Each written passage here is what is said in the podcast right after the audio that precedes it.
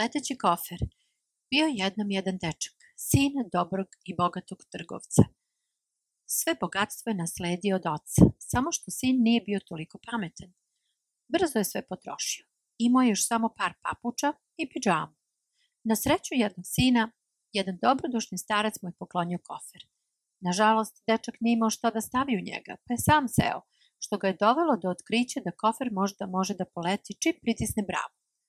Sa strahom se zabio u klimavi kofer, nadajući se da se neće polomiti. Leto je sve dalje i dalje, dok nije sletao u Tursku. Sakrio svoj kofer u šumu i otišao u grad. Tamo je bio ogroman zamak.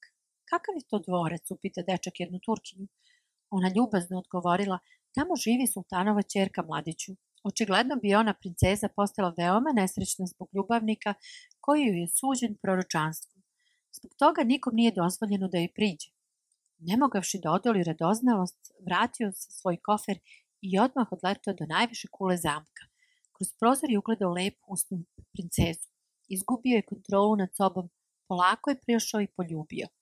Princeza se zaprepastila, ali se njen strah pretvorio u čuđenje. Momak je rekao da je turski bog, jer je doletao tamo u koferu. Bez ikakvog oklevanja počeo je da govori o njezinom izgledu. O svakoj njenoj osobini znao je da sa strašću ispriča bajku. Znao je lepo da priča, pa je odmah zatražio ruku princeze, na što je dobio potvrdan odgovor. Sledeće subote morate da dođete ovamo, jer sultan i sultanija dolaze na čaj. Pobrinite se da ispričate nešto, neku najlepšu bajku.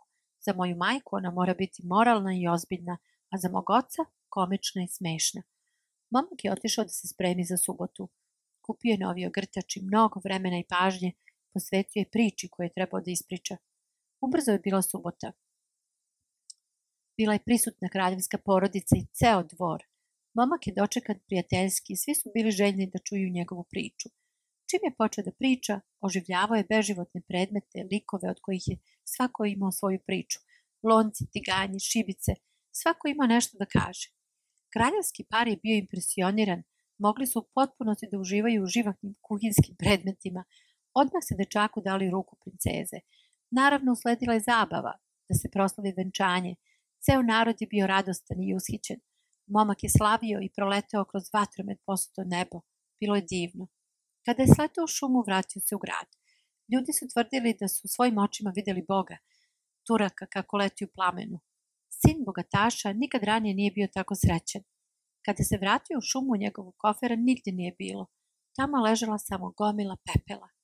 Vatromet je izgorao kofer i nikad više nije mogao da se vrati princezi, a ona ga je večno čekala.